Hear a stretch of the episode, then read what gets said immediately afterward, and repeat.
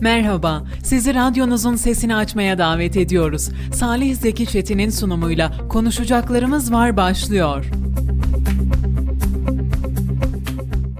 Evet konuşacaklarımız var programından herkese merhabalar diyoruz ve üzülerek yine başlamak istiyoruz programımıza. Bugün 14 Şubat Salı buruk bir gündeyiz. Melih'le birlikte yine hem depremin ülkemizdeki etkilerini ve yıkıntılarını hem de depreme ilişkin son gelişmeleri sizlere aktarmaya çalışacağız. Bugün yine e, Türkiye'nin ana gündemi e, enkaz çalışmaları, arama kurtarma çalışmaları ve kurtarma çalışmalarının tamamlandığı yerdeki enkaz kaldırma çalışmalarıydı. E, yavaş yavaş silkelenmeye, yavaş yavaş kendimize gelmeye başladık. Birçok depremzede başta Kayseri olmak üzere depremden etkilenen 10 şehrin komşu illerine doğru gidişlere de başladı. Kayseri'ye de yoğun bir geliş var. Bununla alakalı olarak da konuşacaklarımız var, anlatacaklarımız var ama e, her şeyden önce Melih geçtiğimiz hafta sonunu Kahramanmaraş'ın Elbistan ilçesinde geçirdi. Genç Kızılay'la birlikte oradaki çalışmaları hem yerinde gördü hem de koordinasyonu hep birlikte sağladılar. E, ben biraz Melih'e Elbistan'ı sormak istiyorum, Kahramanmaraş'ı sormak istiyorum ve depremin yıkıntılarını sormak istiyorum. Ee, birinci ağızdan dinleyelim. Melih hoş geldin. Çok hani hoş bir geliş olmasa da inşallah daha umut dolu günlerde güzel programlar yapacağız ama e, bugünlük böyle olsun diyelim. Maraş nasıl, Elbistan nasıl? Bize biraz oradaki atmosferden, ortamdan bahseder misin? İnşallah daha güzel nice yayınlarda da beraber olacağız Salih ama biliyorsun depremin ilk dakikasından itibaren biz zaten çalışmaya başlamıştık. Gönüllülerimizi deprem bölgesine gönderdik. Oradaki çalışmaları koordine ettik. Aynı zamanda da Kayseri'de hem yardım toplanması anlamında Kızılay üzerinden hem de bununla beraber gönüllü seferberliğini oluşturmuştuk. Benim de aslında içim hep oraya gitmek istiyordu ama son dönemlerde de artık olayların biraz yatışmasıyla beraber koordinasyonu sağlamak adına genç Kızılay görevlendirilmesiyle Kahramanmaraş Elbistan'a, Kahramanmaraş'a ve Pazarcık ilçelerine gittik.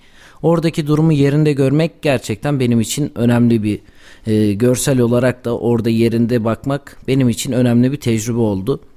Kahramanmaraş Elbistan'a ilk girdiğimiz andan itibaren zaten yol üzerinde Göksu'nda yapılan e, yaşanan depremin felaketini gözler önüne sermek mümkün. Camilerde minareler kalmamış, yıkılan evler vardı. Göksu'nda çok fazla ev yıkılmasa da en azından çatlakların çok fazla olduğunu söyleyebilirim. Evet. Elbistan'a gittiğimiz zaman da durum biraz daha kötüleşmeye başladı. Artık evlerin yıkıldığını görmüştük orada. Ya depremi konuşuyoruz ama yerinde görmek gerçekten çok daha farklı. Duygulanmamak elde değil. Orada hayallerin bittiğini, umutların bittiğini depremle beraber görmüş olduk. Elbistan'da orada Kızılay'ın lojistik merkezi vardı. İlk günlerde biz Elbistan'a çok fazla yardım gitmiyor diye şikayetleniyorduk ama hafta sonu yaşadığımız tecrübe maalesef çok fazla yardımın gittiği ve gerekli ya da gereksiz şu anki ihtiyaç listelerimiz var. AFAD tarafından da veriliyor, Kızılay tarafından da veriliyor. Buna uymadan gönder gönderilen yardım listeleri bizi çok fazla üzdü açıkçası. Çünkü dolu dolu sular var orada. Evet. Su ihtiyacı çok fazla yok. Çok fazla su gelmiş ve sular donarak patlamış. Yerlerin her yerin su olduğunu söyleyebilirim. Gıdalar gelmeye başlamış, koliler gel, e, giysiler gelmeye başlamış. Bununla beraber soba ihtiyacı bizim gittiğimizde çok fazlaydı. Sobalar da gelmeye başlıyordu yavaş yavaş. AFAD tarafından koordine edilen çadırlarda biraz eksik olduğunu söyleyebilirim. Arkadaşlarımız tırları lojistik merkezine indiriyor ve köy muhtarları ile konuşup tek tek hane hane ne ihtiyaç varsa onları köylere ulaştırmaya çalışıyordu. Evet. Şu an için ulaşamadığımız köy var mı diye ben yetkili arkadaşlara da sorduğumda Güzel bir haber. Girilmedik köy kalmamış. Çok Ulaşım yolu hepsine açılmış. Ama Elbistan'da havanın gerçekten çok soğuk olduğunu söyleyebilirim. Gündüz saatlerinde eksi 7, eksi 10'lara düşüyor. Geceleri eksi 20'ye düşen bir hava var.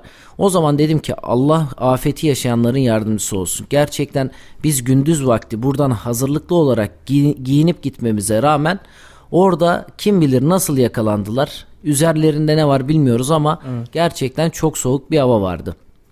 Akşama kadar orada koordinasyonu sağladık. Oradan Kahramanmaraş'a geçmek durumunda kaldık. Kahramanmaraş'a geçerken de yol trafiğinin şehir merkezinde özellikle şahsi araçlarla yardım getiren araçların yoğunluk oluşturduğunu gördük. Ve bu da bizi aslında biraz üzdü çünkü şahsi araçlarla insanlar gidiyor bir şeyler yapmak istiyorlar ama koordinasyon olmadığı zaman bir yerlerde çatlaklar mutlaka çıkıyor. Evet. O yüzden bizi biraz üzen tablo bu olmuştu. Biz de çağrılarımızı yenilemekten kaçınmadık. Kahramanmaraş'ta da yine Kızılay'ın afet lojistik merkezleri var. İki tane kurulmuştu. Üçüncüsü de kuruluyor. Evet. Gittiğimizde en büyük depolardan bir tanesindeydim. Koordinasyon çok güzel. Tırların hemen indirilmesi, hemen koordine edilmesi ve gelen vatandaşlara yardım edilmesi noktasında hem araçlar, bireysel araçlarla görevlendirilen araçlar köylere tek tek oradaki bölgelere ulaşmaya çalışıyor. Aynı zamanda da yan tarafta e, afet çadırları var. Orada kalan insanlar da gelip bireysel olarak ihtiyaçlarını tutanak karşılığında teslim alabiliyorlardı. Yani koordinasyon sağlanmış. Gıda ihtiyacımız, evet. su ihtiyacımız en azından e, deprem bölgeleri için çok fazla şu an yok. Evet çok fazla yok. Ee, sadece dediğim gibi ara ara ihtiyaçlar tabii ki bitebiliyor. Mesela evet. benim gittiğimde çay ve şeker bitmişti. Bunun üzerine ihtiyaç listeleri de güncelleniyor. Aktif olarak ne ihtiyaç varsa da zaten AFAD ve Kızılay tarafından da fazlasıyla sosyal medya hesaplarından paylaşılıyor. Çok şükür hala e, yani depremin üzerinden 9 gün geçmesine rağmen vatandaşlarımız o bölgelere gitmeye, yardım tırları götürmeye devam ediyor. Çok fazla. Kayseri için de aynı şekilde bir ihtiyaç hasıl olduğu zaman gerek Kızılay gerek diğer mecra, merciler duyurduğu zaman ya da bizlere ulaşıldığı zaman da anlık bir şekilde reaksiyon gösterip eksikleri gedikleri kısa bir süre içerisinde bitirebiliyoruz. Ee, çok şükür diyelim bu bizim birlik beraberliğimizin aslında en güzel örneklerinden bir tanesi. Türk milleti bir olduğu zaman, Türk milleti beraber olduğu zaman hakikaten altından kalkamayacağı hiçbir iş yok. Ee, maalesef böylesine depremlerde ya da doğal afetlerde birlik ve beraberliğimizi biraz daha net hatırlıyoruz ama e, ayrışmadan e, iyi bir şekilde hep beraber durabilirsek hakikaten altından kalkamayacağımız hiçbir şeyin olmadığını düşünüyorum. Şimdi ben biraz dezenformasyon noktasına dikkat çekmek istiyorum. Özellikle WhatsApp gruplarında yayılan zaman zaman bizim sayfamızın da şablonlarının kullanıldığı gönderileri görüyoruz. İşte e, akşam deprem olacağına ilişkin ya da işte e, büyük bir deprem olacağına ilişkin böyle WhatsApp gruplarında e, bazı yazışmaları görüyoruz. Ya da belediyenin e, belediyeye başvurulduğu takdirde bir ailenin tüm ev ihtiyaçlarının karşılandığına dair yine bugün bir WhatsApp yazışması vardı. İşte beyaz eşyadan koltuk takımına kadar belediyelerin aldığına ilişkin. Şimdi bu tür uygulamalar var mı? Yani belediye bunları almıyor ama belediye yardımcı oluyor aşevini açıyor, gıda yardımında bulunuyor, bazen aynı yardımda bulunuyor, yeri geliyor e, tesisini açıyor, konaklamanı sağlıyor vesaire vesaire vesaire. Ama belediye e, vatandaşın evindeki beyaz eşyayı almıyor. Koltuk takımını almıyor. Yanlış yönlendirmeyelim. Bu şu yüzden önemli. Bunu gören WhatsApp grubunda ya da bunu sosyal medyada gören bir depremzede umutlanıp buraya geldiği zaman ya kardeşim niye almıyorsunuz biz burada bunu görmüştük şeklinde bir e, hayal kırıklığına uğrayabilir. Bunlara dikkat etmek gerekiyor. O insanların psikolojisini göz önünde bulundurmak gerekiyor. Yine insanlara korku salmak adına şu saatte deprem olacak, bu saatte deprem olacak şeklinde ifadelerle insanları yanlış yönlendirmenin de gereğinin olmadığını düşünüyorum. Zaten çok gergin bir ortam. Birçoğumuz bu depremi yaşadık ve etkilendik. E, deprem bölgesinde etkilenenler vardı, yaşayanlar vardı. Kayseri'de de yoğun bir geliş var. Biraz sonra onlardan da bahsedeceğim. İnsanlara korku salmanın, panik havası yaratmanın kimseye bir faydasının olmadığını düşünüyorum. Bu tür eylemlerden de kaçınmalıyız. Defaatle kaçınmalıyız hatta. Bunu da söyleyeyim. Yine bir habere denk geldim. Bak diyor ki İstanbul'da ilçe ilçe deprem risk senaryoları işte diyor İstanbul'da 7,5 üstü bir deprem olursa hangi ilçede kaç kişi ölür bunun tahminini yapmışlar. Yani insanların canını veren bizmişiz gibi daha deprem olmadan hangi ilçede, hangi mahallede kaç kişinin öleceği üzerine de müthiş bir senaryo yazma kapasitesine sahibiz. Zaten aksiyetesi olan, opasif kompulsif bozukluğu olan, panik atağı olan insanların günlerdir uyuyamadığını, yemek yiyemediğini, yeri geldiğinde su içemediğini bile biliyoruz. E, hal böyleyken insanlarda panik havası yaratmanın kime ne faydası olabilir ki? Ve e, bu durum şu an sahada çalışan personelimizi de anlıkta orada arama kurtarma faaliyetine katılan personelimizi de olumsuz etkiliyor. O insanlar evlerini ve ailelerini uzakta bırakarak deprem bölgelerine gittiler. Ve onlar üzerinde de böyle bir korku, panik, endişe yaratmanın gereği yok bence. İnsanlarımızı bu tip durumlarda bir arada tutmayı, birleştirici olmayı ve e, onları korkudan, panikten uzaklaştırmayı bence basın olarak da, insanlık olarak da sağlayabilmeliyiz diye düşünüyorum. Yine bunun yanında Kayseri'ye çok yoğun bir geliş var. Şu anda KYK yurtlarımız açık. E, bugün Gençlik Spor İl Müdürümüz Ali İhsan Kabakçı ile yaptığım görüşmede 4 yurdun dolu olduğunu, 5. yurda da alımların devam ettiğini, şu anda mevcut bizi duyan depremzede yönlendirmek isteyen vatandaşlarımız varsa Talas'ta e, Asım Köksal yurduna e, vatandaşları yönlendirebileceğinizi ben ifade edeyim. Orası şu anda boş olmaya devam ediyor. Yine Kayseri gerçekten birçok noktada elinden geleni yapıyor. Dün seninle birlikte Melih Buğdaylı'daydık. Buğdaylı gerçekten en güzel birlik ve beraberlik dayanışma örneklerinden birini gösteriyor. Buğdaylı küçük bir mahalle olmasına rağmen tam 550 tane depremzede şu anda Buğdaylı'da barınıyor ve e, ihtiyaçları orada temin ediliyor. Kimi yakacak getirmiş, odun getirmiş, kimi evinin kilerini depo olarak kullanmış, ihtiyaçlar orada sıralanıyor. Kimi o insanlara evini açmış, kimi ekmek vermiş, aş vermiş, kimi kıyafet vermiş. Zaten devletimiz de gereğini yapıyor. Gençlik ve Spor Bakanlığımıza bağlı personellerimiz anlık olarak orada ve vatandaşlarımızın ihtiyacını gidermeye çalışıyor. E, Buğdaylı kendi kapasitesinin bence çok üzerinde bir çalışma yapıp tam 550 vatandaşa e, kucak açmış Son olarak da dün yapmış olduğum görüşmede 60 hanenin daha Budaylı'ya geleceği ve orada e, o insanların da konaklaması ile ilgili bir çalışma yapılacağını duymuştum.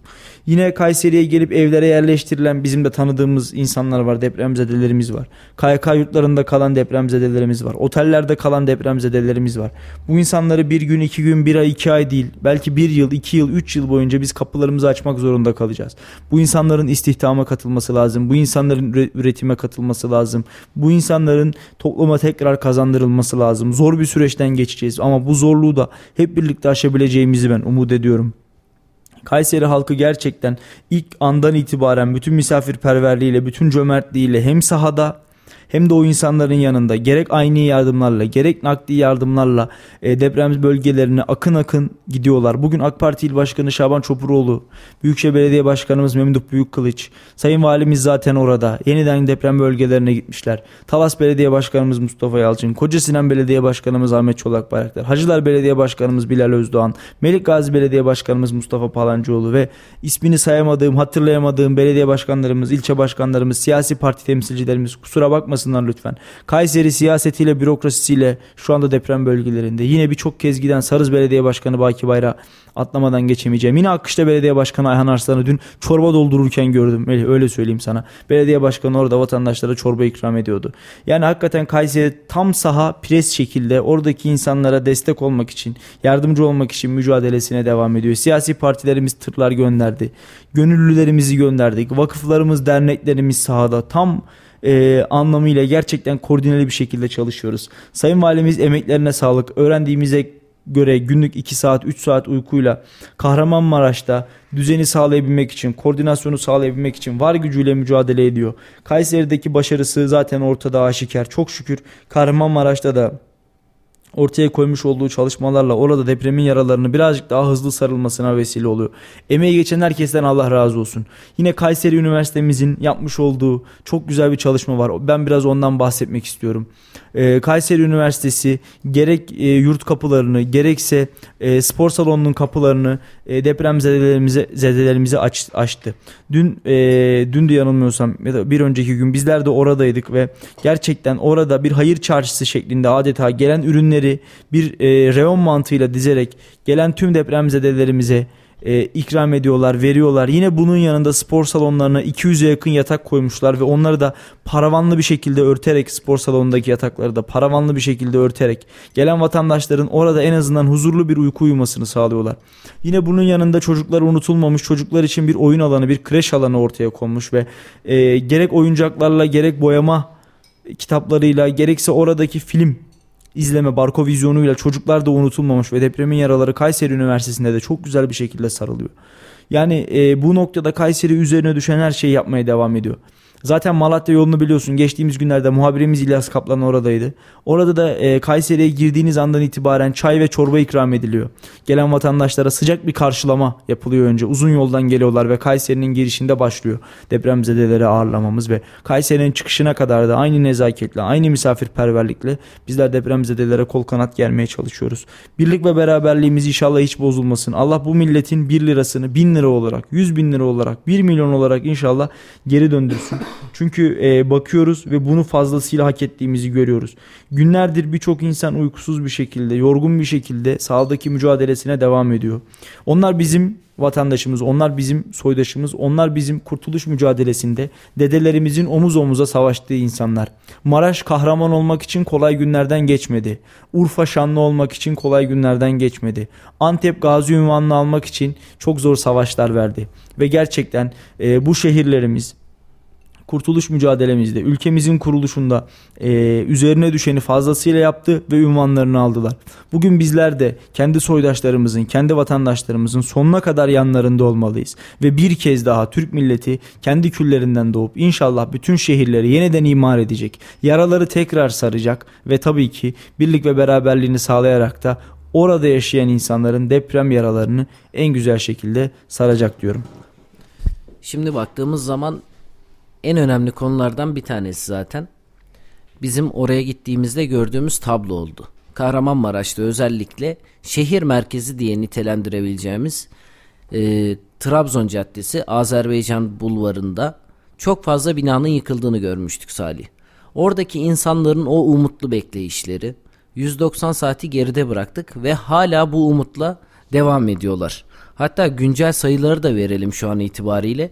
Depremde can kaybı sayısı 31.974'e yükselirken yaralı sayısı 80.278 oldu. Yıkılan bina sayısı 6.444 olarak açıklanırken 19.300 yaralınsa ülke genelindeki hastanelere gittiğini söyleyelim. Biz önemli bir sınav veriyoruz. Hem insan olarak hem de tüm kurum ve kuruluşlar adına büyük bir sınav. Bu yaraları hep birlikte saracağız. Ben ne yapabilirim diye düşünmek gerekmiyor. Çünkü hepimizin yapabileceği iyi ya da kötü mutlaka bir şey var. Hepimizin elinin altında sosyal medya var. Sosyal medyadan bir şeyleri paylaşırken 40 kere düşünüp bir kere paylaşmamız gerekiyor. Neyin ne olacağını, nereye varacağını çok iyi bilmemiz lazım. Biz çocukların yüzünde gülümseme oluşturacağız derken bir paylaşımımız belki onların psikolojisini etkileyebilir. O yüzden lütfen ama lütfen hem sözlerimizi kullanırken hem de sosyal medyayı kullanırken çok dikkatli olalım. Bu, bu felaket asrın felaketi olarak nitelendiriliyor ve 10 tane ilde sadece İzmir depreminde İzmir'i konuşuyorduk. Elazığ depreminde Elazığ'ı konuşuyorduk. Van depreminde Van'ı konuşuyorduk ama şu an 10 tane ilde ciğerlerimiz yandı. Kesinlikle. 30 binin üzerinde şu an için ölü sayısı var ve bunlar hepimizin dayanamadığı görseller. Sosyal medyaya girip sosyal medyada duygulandığımız zamanlara şahit oluyoruz. İnsanların bu süreçte insanların duygusallığından faydalanan insanlara şahit oluyoruz. Dolandırıcılara şahit oluyoruz, yanlış bilgilere şahit oluyoruz. O yüzden lütfen son derece hassas olmamız gereken bir dönemden geçiyoruz aslında. Hepimizi yapması gereken şey belli. Dikkatli olacağız. 40 kere düşünüp bir kere söyleyeceğiz. Şimdi e, bugün sarraflar ve kuyumcular odasından da bir açıklama geldi. Ben onu ifade etmek istiyorum. Hani biz hep yağmacılardan bahsediyoruz. İşte deprem bölgelerinde e, insanların yağma yaptıklarından e, dem vuruyoruz ve bunlardan şikayet ediyoruz. En azından kendi içimizde. Ve bu insanları gerçekten en ağır şekilde e, terbiyesizlikle de suçluyoruz. Yeri geliyor e, hakarete varan şeyler de kendilerine söylüyoruz ama akıllanmıyorlar, uslanmıyorlar. Yağmacılar devam ediyor e, ve özellikle Kayseri gibi ticaretin çok olduğu ve e, böyle deprem bölgesine yakın olan bir şehirde de üzülerek söylüyorum bu yağmacılar ellerindeki dövizleri ve altınları bozdurmaya çalışıyorlarmış. Bununla alakalı bugün e, haberi görünce çok üzüldüm. Yani bir depremzedenin belki hayatını kaybetti, belki öldü. E, o insanın parasını almak, o insanın cebindekini bozdurmaya çalışmak ne demek ya? Bu nasıl bir terbiyesizlik? Bugün bir açıklama yaptı Kayseri Sarraflar ve Kuyumcular Derneği. Ee, değerli esnaflarımız yaşadığımız bu zorlu süreçte dikkat etmemiz gereken önemli bir konu var. Afet bölgelerinde yapılan hırsızlıkların Kayserimizde bozulma ihtim bozdurulma ihtimaline karşı dikkatli olalım. Şüphelendiğimiz kişilerden kesinlikle altın alışı yapmayalım ve emniyet güçlerimize bildirelim. Suça ortak olmuyorum, olmayalım. Hayırlı işler diliyorum ifadeleri kullanıldı. E, Kayseri Sarraflar ve Kuyumcular Derneği Başkanı Cemal Demircioğlu tarafından. Öte yandan Sarraf Metin Uzan'ın da dikkati sayesinde deprem bölgesinde gasp edilen dolarların bozdurulmak üzere fark edildiği ve polise haber verilerek emniyet güçlerimizin harekete geçtiği ve sonrasında da yakalandığı ortaya çıkmış. Şöyle bak Melih bak yaklaşık 2000 dolar civarında bir dolar var burada. Görüyorsun fotoğrafını görselini paylaştık zaten. Sarraf sağ olsun çekmiş. Dolarlar yırtılmış, zarar görmüş, deforme olmuş. Yani şuradan bile şu paralardan bile depremin bizim üzerimizde yarattığı acı tabloyu anlayabiliyoruz, görebiliyoruz, idrak edebiliyoruz. E, hal durum böyleyken o insanların e, hallerini görüyoruz. O insanların yaşamış olduğu tahribatı görüyoruz. Nasıl olur da bir başkasının cebindekine böylesine kolay elimiz uzanıyor ben bunu anlamıyorum. Getirmişiz Kayseri'ye parayı bozdurmaya çalışıyoruz. Bunun adı yağmacılıktır. Bunun adı ahlaksızlıktır. Bunun adı şerefsizliktir. Bu kadar mı aç kaldınız? Bu kadar mı açıkta kaldınız? Şerefinizi, gururunuzu, haysiyetinizi, onurunuzu bu kadar mı bıraktınız bir kenara? Dünyada yaşama arzunuzu hiç mi hesaba katmadınız da depremde ölmüş ya da depremde yaralanmış ya da depremde etkilenmiş bir insanın son malına göz uzatır, el uzatır hale geldiniz. Bu nasıl bir bağnazlıktır? Bu nasıl bir aymazlıktır? Bu nasıl bir insanlıktır? Ben bunu sormak istiyorum. O sarraf onu fark etmese bozduracak. Ne kadar hepi topu 30-40 bin lira 50 bin lira neyse bir para. O para boğazından nasıl geçecek? O para çocuklarının boğazından nasıl geçecek? O para kursağınızdan nasıl geçecek? Bunları hesaba katmak gerekiyor. Bunları düşünmek gerekiyor. Bunları ölçüp biçmek gerekiyor. Bunları tartmak gerekiyor. Çok şükür yakalanmış. Yani polislerimiz de bu konuda gerçekten e, inceleyip sık dokuyor ve yoğun bir çalışma yürütüyorlar. Çok şükür yakalanmış. Bir de e, cenazesindeydik. Allah rahmet eylesin bütün ölmüşlerimize. Az evvel İlyas Kaplan'la birlikte Hulusi Akar mezarlığındaydık. Hulusi Akar Camii'ndeydik. E, Türkçe öğretmeni Kayseri'de görev yapan Türkçe öğretmeni Zafer Karataş'ın eşi Hatice Karataş. Oğlu Ahmet Karataş ve kayınvalidesi Elife Kozaklı depremde hayatını kaybetmiş. Zafer öğretmeni Allah'tan e, acil sabırlar diliyorum. Allah'tan ona ben baş sağlığı diliyorum. Eşine, çocuklarına Allah'tan rahmet diliyorum. Eşi ve iki çocuğuyla birlikte e, annesinin evine gidiyorlar sömestr tatilini geçirmek üzere. Ve maalesef depreme yakalanıyorlar. Hayatlarını kaybediyorlar. E, bir çocuğu enkazdan çıkartılmış, hayatını kaybetmiş. An eşi çıkartılmış, kayınvalidesi çıkartılmış. Bir çocuğu kayıp. Engelli bir çocuğu var 5 yaşında Elif'e. Elif özür diliyorum. Elif'e kayınvalidesi. 5 yaşındaki Elif hala kayıp. Ve çıkmamış enkazdan. Bugün cenazelerindeydik. Ee, annesi yani Zafer öğretmenin eşi çocuğuna öyle sıkı sarılmış ki Melih e, ayıramamışlar. Bugün 3 cenaze namazı kılındı. 3 cenazeden de ama 2 tabut vardı. Bunun sebebini sorduk imama. Hoca dedi ki anne ve oğul birbirine sarılarak ölmüş. Onları birbirinden ayıramadık. Ayrılmamışlar. Yıkanırken ayrılmamışlar. Ve tek tabutta geldiler. Tek tabutta tek kefenlenmiş bir şekilde mezara indirilecekler. Erkilet mezarlığında toprağa verildiler. Yani ne büyük bir acı, ne büyük bir dram, ne büyük bir trajedi öyle söyleyeyim. Gerçekten kelimelerin bittiği, cümlelerin kifayetsiz kaldığı, düşündükçe boğazımızın düğümlendiği, içimizden konuşmak için tek bir kelimenin bile gelmediği süreçlerden geçiyoruz. Zafer öğretmenin metaneti, ağlayan yakınlarını teskin etmesi, sesli kimse ağlamasın, ben eşimi ve çocuğumu cennete uğurluyorum demesi kulaklarımızdan, gözlerimizden herhalde ömür boyu silinmeyecek. Çünkü gerçekten o insanların duruşunu gördüğümüzde bizler yemek yemekten, su içmekten, şurada oturmaktan, sıcak evlerimizde oturmaktan imtina ediyoruz. Bunu sadece bizim için söylemiyorum. Depremden etkilenmeyen bütün vatandaşlarımız, evlerinde en azından fiziki olarak etkilenmeyen bütün vatandaşlarımız şu anda aynı hissiyatta. Şu an bizleri araçlarda dinleyen, evlerinde dinleyen herkes eminim aynı hissiyatta. Ve herkes oturduğu koltukta utanır hale geldi. Bugün gerçekten Zafer öğretmenin o halini gördüğümde, onun dik duruşunu gördüğümde bir kez daha kendimi sorguladım. Allah muhafaza böyle bir şey bizlerin başına gelse acaba aynı metaneti, aynı dik duruşu sergileyebilir miyiz? Eşi ölmüş, bir çocuğu ölmüş, bir çocuğu enkaz altında. Hala çıkartılamamış. Ve çıkartılamayan çocuk engelli. 5 yaşında bir çocuk. Hakikaten büyük dramlar yaşıyoruz şu anda. Ve oradaki basın mensubu arkadaşlarımızla yapmış olduğumuz konuşmalarda birçoğu şunu söylüyor Melih. Anneler çocuklarını kurtarmak için onlara sarılmış ve o şekilde birlikte can vermişler. Yani dünyaya getiren anneyle onun dünyaya getirdiği çocuk aynı anda aynı yerde sarılarak birbirlerine koyun koyuna deyim yerindeyse can vermişler. Ve birçoğu da bu şekilde gömülmeye devam ediyor.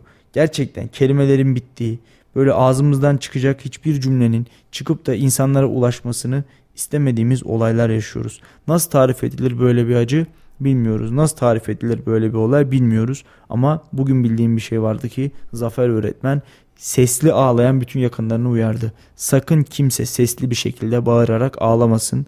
Ben eşimi, çocuğumu cennete uğurluyorum dedi. İnanılmazdı. Hakikaten inanılmazdı. Bir kez daha depremde hayatını kaybeden bütün vatandaşlarımıza Allah'tan rahmet dileyelim. Kayseri'de de yoğun bir cenaze var. Her gün e, depremde vefat edenler Kayseri'de gömülüyorlar. E, Kayseri'nin civar köylerinde gömülüyorlar. Birçoğu Kayserili olup orada hayatını kaybedenler de var. Yani gerçekten ne söylesek şu an itibariyle tesiri olmayacak. Yalnızca insanların acılarına ortak olmak ve en azından onların bir noktada seslerini duyurabilmek için ben dile getirmek istedim. Bir kez daha Allah'tan rahmet diliyorum. Allah rahmet eylesin. Mekanları da cennet olsun inşallah. Yani biraz önce de o habere bakıyordum. 204 saat sonra biri kurtulmuş. Evet. Şimdi ağlayanlar ilahi bir güç yani gerçekten. Şahsım adına bireysel olarak konuşacak olursak bunu. Baktığımız zaman o kadar güzel hikayelere şahitlik ediyoruz ki. Hem üzüyor hem de duygulandırmaması elde değil.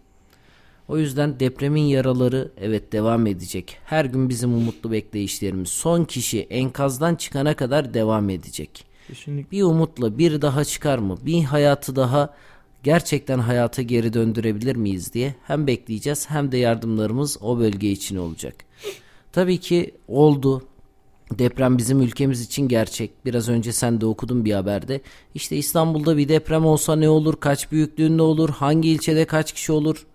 Bu canı veren Rabbim. Almasını da bilen Rabbim olacak. Ama tabii ki şunu biliyoruz. Tedbir bizden, takdir Allah'tan. Kesinlikle. Tedbirimizi alacağız. Gördüğümüz taşıyıcı kolonlarda 6 tane demir takmışlar. İçindeki betonlara bakıyoruz. Kum gibi dağılıp gidiyor. Evet. Bu yani ölüm değil. Bu bir vefat değil. Bu bir katliam. Bu bir cinayet olur. O yüzden tedbirlerin en üst seviyeye getirilmesi gerekiyor. Bir insan hayatını bir eve sokarken dört duvar arasında sadece duvar olarak görmeyeceğiz. Bir yaşam alanını inşa ederken onlara ne kadar tedbir uygulanması gerekiyorsa uygulanmasını isteyeceğiz. Diğer türlü cinayet oluyor, katliam oluyor. Biliyorsun rezidans sahiplerinin birkaç tane vardı yıkılmıştı. Ardından yurt dışına çıkarken yakalandılar. Evet. Kendisini suçlu hissetmese zaten kaçıp gitmezdi. Kaçmaya çalışmazdı. E biz sağlam binaları da görüyoruz. Yanlışları konuşacağız belki ama doğru yapılan işler de var. Temelinden yıkılmayan evine kadar sağlamlığıyla bunları uzman yetkililerin de gösterdiği binalar var. Bunları da konuşalım. Doğru yapıları o insanlar nasıl yaptıysa eğer bizler de bundan sonraki yapacağımız binalarda doğru yapıyla beraber devam edelim. Şimdi Melih bazı müteahhitleri görüyoruz. Çıkıyor ve diyor ki işte benim yaptığım yapı yani yıkılmayan müteahhitler özellikle e, ev, binaları yıkılmayan müteahhitler işte bunu ben yaptım diyor. Ve ben görüyorum sosyal medyada ellerine sağlık. Hepimiz teşekkür ediyoruz. Allah razı olsun diyoruz. Yani zaten aslında herkesin yapması gereken oydu.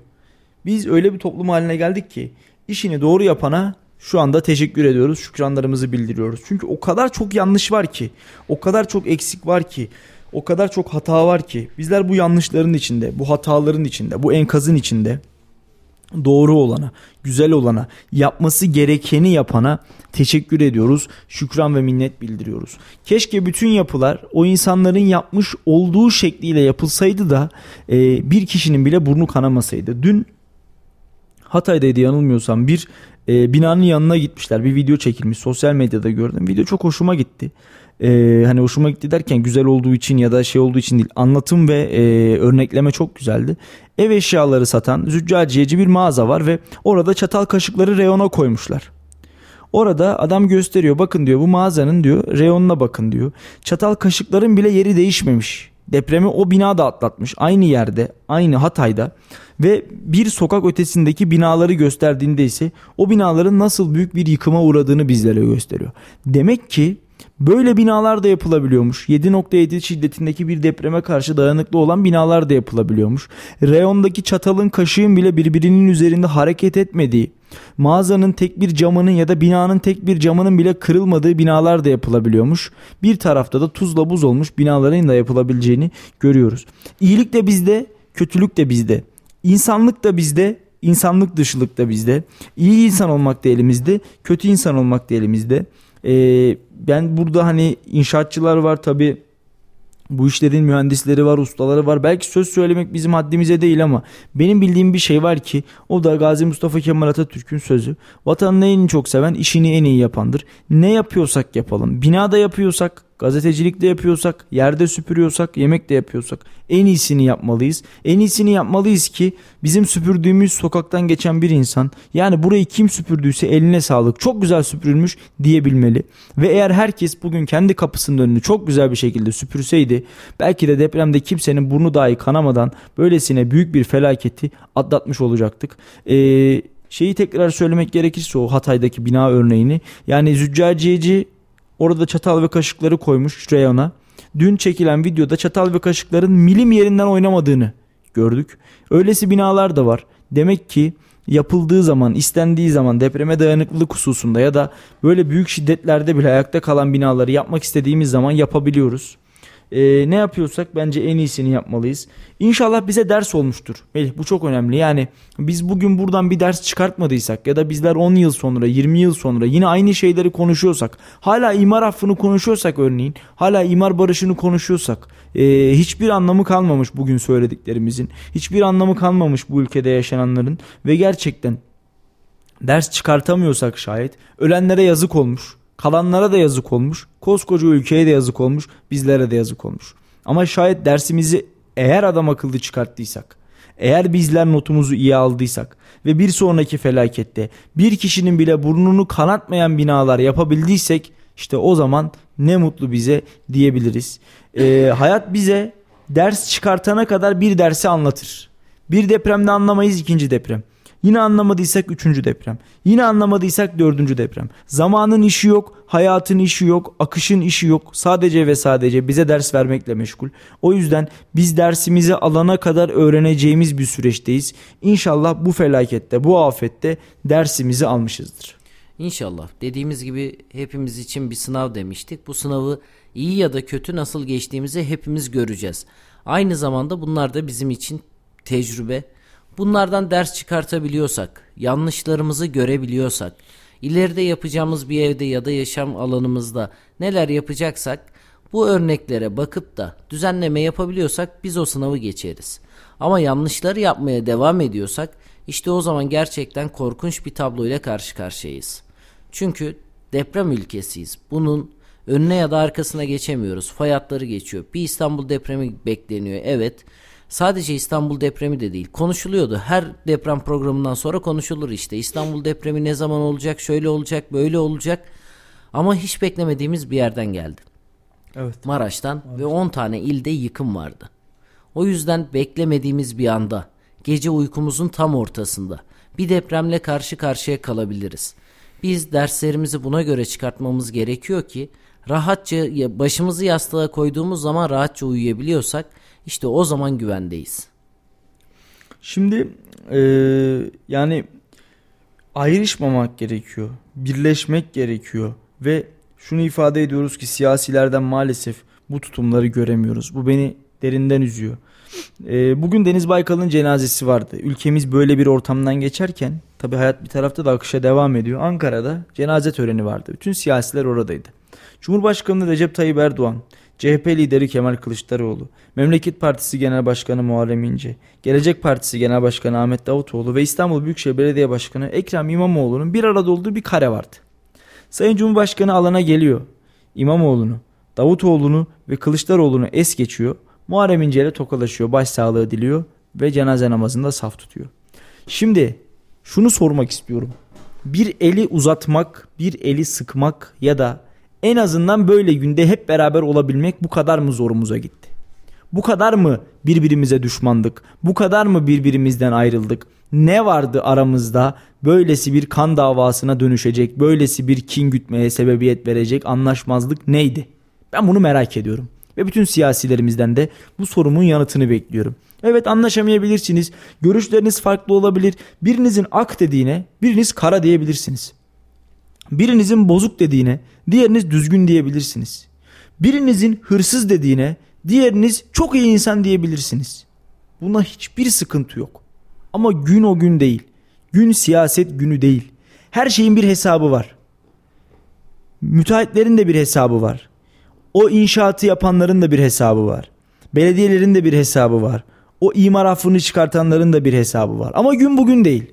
Vatandaş da hesap soracak mutlaka. Vatandaş da hesap sormak için bekliyor mutlaka. Vatandaş da kendisine böyle büyük acılar yaşatanlardan bugünlerin hesabını soracak mutlaka. Ama bugün değil. Daha vatandaş hesabını sormadan siz kim oluyorsunuz da birbiriniz üzerinden siyasi hesaplarınızı sorabiliyorsunuz? Ben bunu hakikaten anlamıyorum. Bu sadece Sayın Cumhurbaşkanı özelinde de değil. Görüyorum günlerdir deprem bölgesinde olup da birbirinin arka bahçesinde konuşan siyasileri. İsim vermeyeyim, parti vermeyeyim. Oraya gidip de sırıtanları görüyorum ve utanıyorum. Çok üzülerek söylüyorum. Kayseri'de bir siyasi partinin il başkanı deprem bölgesinde ekibiyle birlikte gitmiş ve gülmüş, gülümseyerek bir de poz vermiş, fotoğraf çektirmiş. İnanılmaz, inanılmaz. Buradan bizi dinliyorsa bilsin ki, bilsin ki gün gelip bu vatandaş hesabı sorduğunda sizler de geleceksiniz. Mahkemeye sizler de geleceksiniz. Ve iktidar partisi değil. Ve Cumhur İttifakı'nın bir ortağı değil bu parti. Muhalefet partilerinden bir tanesinin il başkanı. Deprem bölgesine gidiyor Kayseri il başkanı ve gülümseyerek poz veriyor. Ne oluyoruz ya? Hangi devirde yaşıyoruz? Biz ne yapıyoruz? Biz ne yapıyoruz? Dinliyorsa ki inşallah dinliyordur. Fotoğraf elimizde mevcut. Fotoğrafımız var. Günü geldiğinde ama bugün değil. Bunların hesabı vatandaş tarafından sorulur. Aynı şekilde dün AK Partili bir heyetin deprem bölgesinde güldüğünü, arasında sohbet ederek şakalaştığını gördük. Yani evet Melih sen de oraya gittin o atmosferi sen de gördün. Gülünebilir mi? Sen sinirleri bozulmuştur. Artık ağlıyordur. Ağlayacak takati kalmamıştır. Ve sinir krizi geçirir. Ve güler kahkaha atar. Bu insanın halinden anlarsın zaten. Öyle değil mi? Dersin ki evet artık kafa gitmiş. Beyin Görmüş, gitmiş. Psikolojisi mahvolmuş. Psikoloji gitmiş. Terk etmiş alanı. Ama sohbet ederek gülüşüyorsan deprem alanında burada bir sıkıntı var arkadaş. Burada büyük bir sıkıntı var. Bir damar var çatlamış. Allah etmesin. Bir damarın var çatlamış. Bak bunu Kayseri'de siyaset yapan o Gülen il başkanı için de söylüyorum. Nasıl içine siniyor o fotoğraf bilmiyorum. Ama fotoğraf var. Helal olsun. Helal olsun. O fotoğrafı görüp o il başkanını orada oturtan partililere de helal olsun. Bravo. Yapabiliyorlarsa hala böyle bir zihniyeti barındırabiliyorlarsa işlerinde helal olsun. Aynı şekilde AK Partili heyeti de gördük. Hala hala o insanlar çıkıp bu vatandaştan özür dileyip istifa etmiyorsa ve o koltuklarda rahatça oturabiliyorsa helal olsun. Bir bakanımız vardı. Sayın Cumhurbaşkanı konuşma yaparken çocuğun kafasındaki şapkayı kapşonu açan. Helal olsun. Dep, e, deprem bölgesine gidip de devlet terbiyesinin uzağında hareket eden bütün bürokratlarımıza helal olsun. Ben hepsinin bir kenara en azından şahıs olarak en azından hepsini bir kenara kendi içimden not alabiliyorum. Yarın seçim gelir. Yerel seçim gelir, genel seçim gelir hiç önemli değil. Ya da o insanların bir olayı olur. Hatırlatırız. Deriz ki efendim siz de böyle yapmıştınız ama. Efendim bunlar size müstahak deriz. Bunlar şu anda bize müstahak değil ama. Bizler toplum olarak bunları hak etmediğimizi düşünüyorum. Yazıklar olsun. Umarım şöyle silkelenip kendimize geliriz umarım. Yardım toplarken ya da yetkililer oraya gittiğinde tek bir mesaj vardı Salih. Birlik beraberlik olacağız, hep beraber yapacağız. Ama gördüğümüz tablolarda maalesef biz bunu hissedemiyoruz. Yani eylem ve söylem birliği denilen olayı bizler kendimiz yaşamalıyız ki insanlara doğru şekilde aktaralım. İnsanlara sabahtan akşama kadar birlik olalım, birlik olalım, birlik olalım anlatalım. Kendimiz bunu uygulayamıyorsak insanlara karşı ne kadar inandırıcı olabiliriz? Olamayız ki. Ya da insanlar ne kadar bunu uygulamaya başlar? Uygulamaz. Uygulamazlar. Niye uygulasınlar ki? Ben bakıyorum devlet kademelerine. Herkes birbirinden ayrılmış.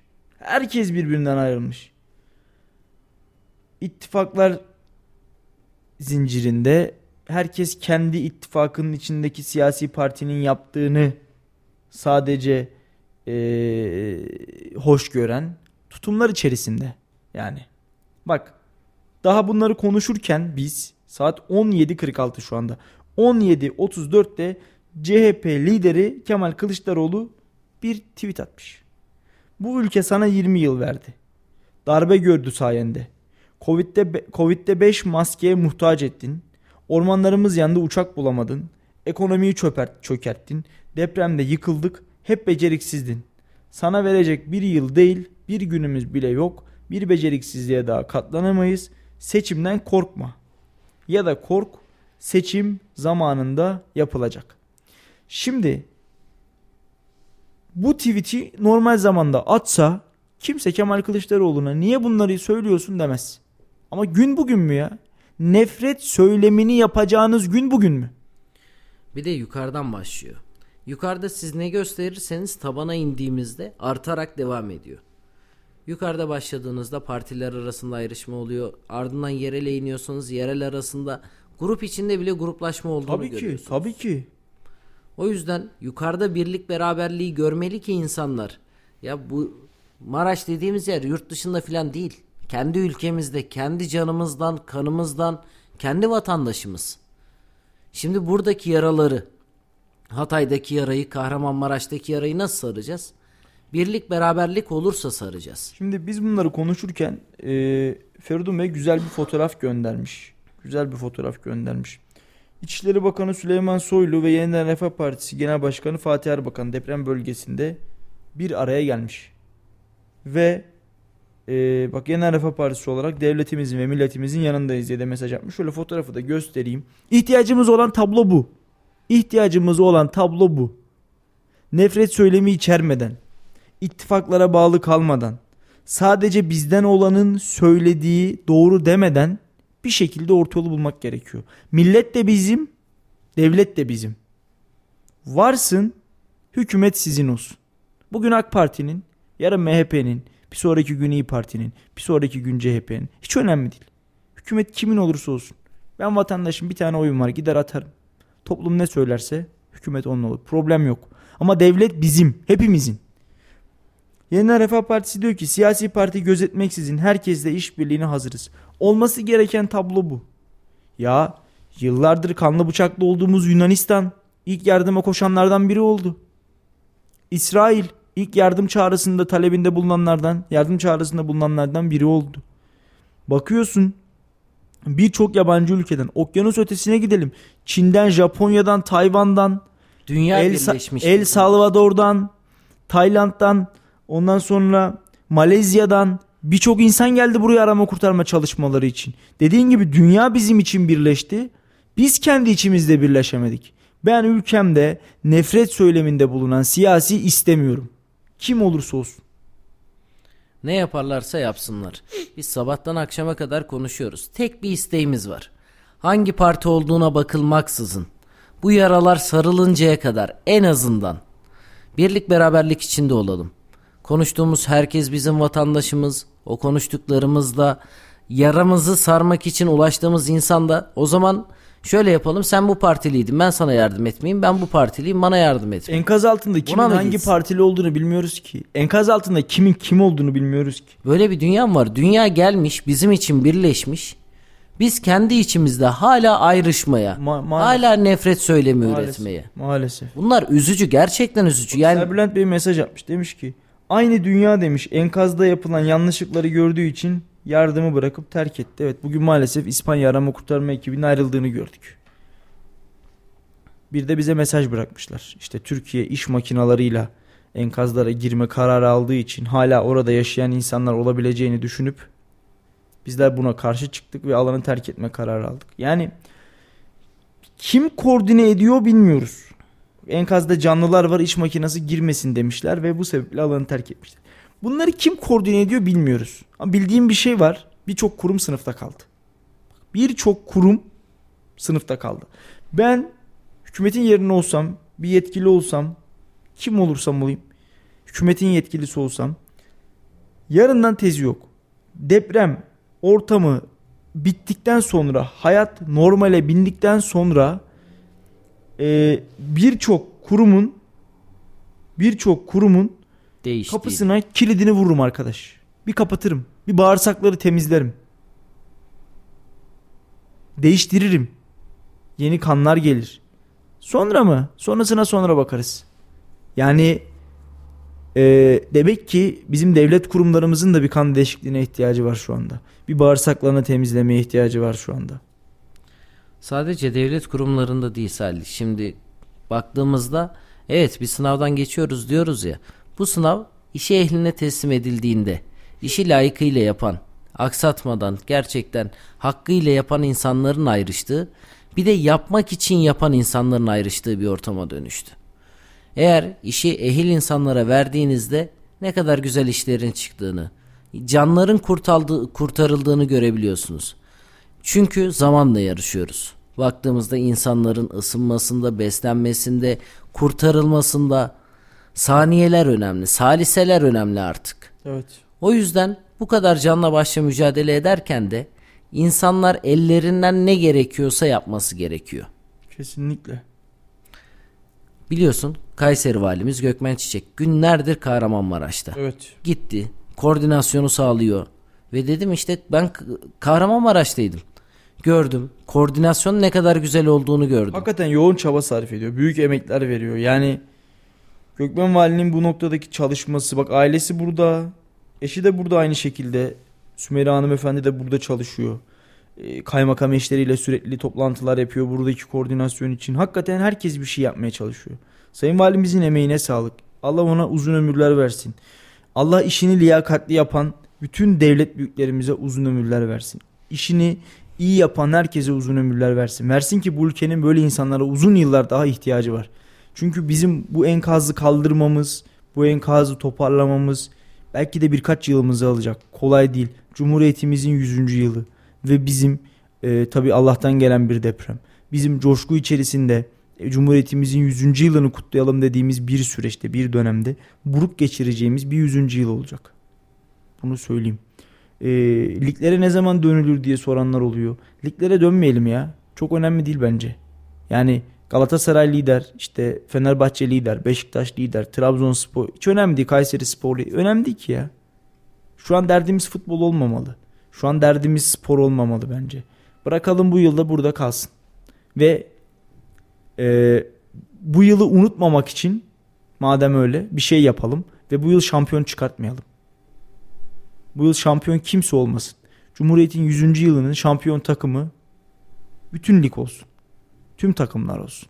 Bırakalım lig burada kalsın. Tescillenmesin bu sene. Yarım kalsın. Çünkü hayatlar yarım kaldı. Çünkü hayaller yarım kaldı. Çünkü şehirler yarım kaldı. İşte Yeni Malatya Spor'un kalecisini toprağa verdik. Hatay Spor'un sportif direktörü ve forveti hala bulunamadı.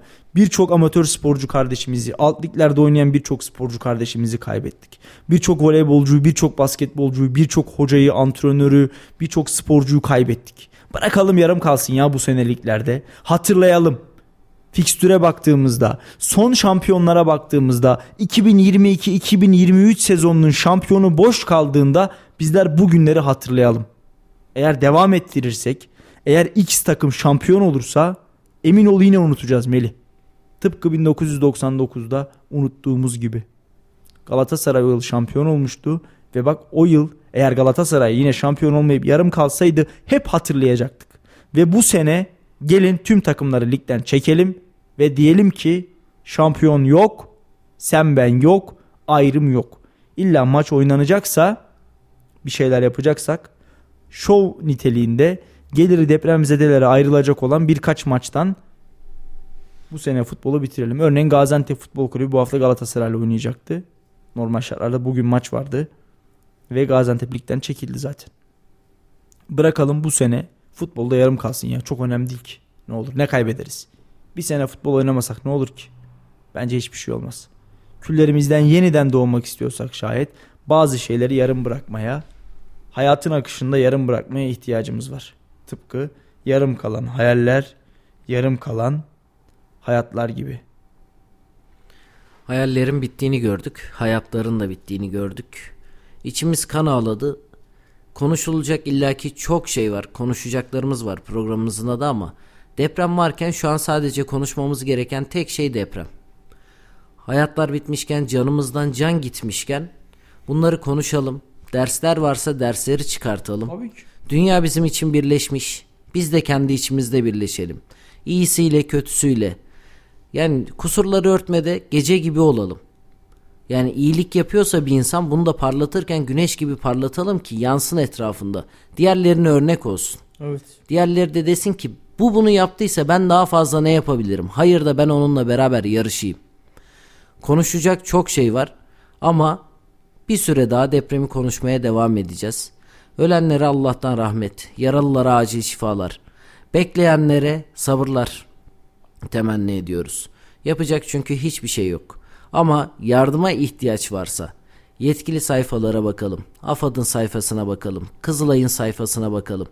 Bir yardım talebinde varsa elimizde imkanımızla onları karşılayalım. Kayseri önemli bir memleket. Şu an Kahramanmaraş'tan da, Adıyaman'dan da, Malatya'dan da gelen vatandaşlarımız var. Onlar için ne yapabilirsek, maddi manevi, her şey maddi olmak zorunda değil. Hiçbir şey yapamıyorsanız yanına gidip onlarla bir sohbet etmek bile onlara yapabileceğiniz en büyük yardımlardan bir tanesi. Kesinlikle. O yüzden bir duralım, bir düşünelim. Ve sosyal medyayı hepimiz kullanıyoruz. Her gün söylüyoruz. Her gün de söylemeye devam edeceğiz. Şu an öyle bir ortam değil. Yanlış bilgilerin verildiği, insanların duygularının sömürüldüğü. Lütfen dikkatli olalım. Çünkü Salih bunu niye söylüyorum? İnsanlar bir şey yapmaya çalışıyor. Enkaz bölgesine gidilmiş. Oradaki insanlar enkaz bölgesinde TikTok'tan canlı yayın yapıyor. İnsanların duygularını kullanarak sizleri sömürmeye başlayan insanlar varsa lütfen dur deyin. Ve onlara prim yaptırmayın. Siz onlara ne kadar çok rağbet gösterirseniz onlar gerçekten kendilerini çok fazla önemli sanıyorlar. O yüzden dikkat etmemiz gereken ve duygularımızla hareket ederken kontrolü kaybetmememiz gereken hususlara lütfen ama lütfen dikkat edelim. Dikkat edelim. Aynen öyle. Dikkat etmemiz gerekiyor. Son olarak şöyle bir hususa değinip ben programımızı noktalamak istiyorum. Bugün ee, bir sosyal medya fenomeni mi diyeyim? Bir şarlatan mı diyeyim? Adına her ne derseniz deyin isim vermeyeceğim. İşte tek bir sesinden de rahatsız oluyorlar. Başlıklı bir video çekmiş. Tek birimizi susturamazsınız demiş. Orada depremzede çıktıktan sonra vatandaşların tekbir getirmesine ya bir durun kardeşim diyenlere tepki göstermiş. Her şeye kabul ederim ama tekbiri susturmanızı kabul edemem demiş.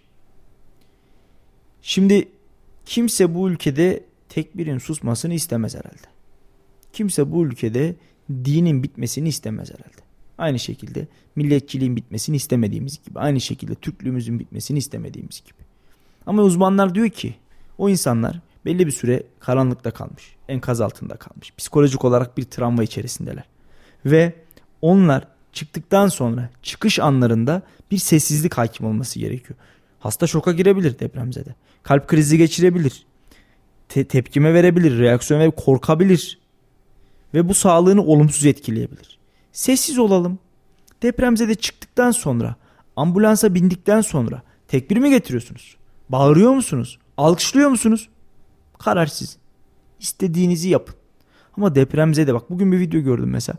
Afat, Afat sanırım bağırıyor. Sesimi duyan var mı diye depremzede ses veriyor. Ve oradan tekbir getirmeye başlıyorlar. Allahu Ekber, Allahu Ekber. Birileri bağırıyor, biri alkışlıyor. Adam dönüyor ya arkadaşlar ne yapıyorsunuz siz diyor ya. Ne yapıyorsunuz? Adam aşağıda. Ve sesi aldığımız noktaya ulaşacağız. Allah'ın izniyle bir şekilde. Adam oradan ses vermiş siz buradan bağırıyorsunuz. Yapmayın. Yani bu doğru bir hareket değil. O beyefendi de çıkmış bizim tekbirimizi susturamazsınız diyor. Ya kimsenin tekbiri filan susturmaya çalıştığı yok. Allah'a şükür elhamdülillah hepimiz Müslümanız. Kimse Müslümanlığını sizlerle öğrenmedi. Yarın sizler gidersiniz Müslümanlığımız da bu şekilde kaybedecek halimiz filan da yok yani. Sosyal medya şarlatanlığından başka bir şey yapmıyor bazıları. Bakıyorsun bir tanesi e, çadır yok diyenlere tasma tasmalı köpek muamelesinde bulunuyor, imasında bulunuyor. Bakıyorsun bir tanesi bizim tekbirimizi susturmaya çalışıyorlar. Diyor. Bakıyorsun bir tanesi ya bunlar ne yapıyor burada diyor. Ya birleşelim ya. Bırakalım birilerinin adamı olmayı. Bırakalım bir gün olsun birilerine yalakalık yapmayı. Bırakalım birilerinin karşısında boynumuzu eğmeyi. Gelin bugün hep beraber milletin önünde eğilelim. Bürokrasinin karşısında da, siyasetin karşısında da, yanlış yapanın karşısında da hep beraber dimdik duralım. Bir gün ya, çok değil bir gün omurgalı durun. Geri kalan 364 gün kendi tercihiniz. Evet yavaş yavaş sonuna geliyoruz programımızın da. Gördüklerimizi, yardım taleplerinizi, her şeyinizi anlatmaya devam edeceğiz. Yarın yine aynı saatte saat 17'de konuşacaklarımız var programında. Görüşünceye denk hoş kalın, hoşça kalın. Mutlu akşam. Salih Zeki Çetin'in sunumuyla konuşacaklarımız var sona erdi.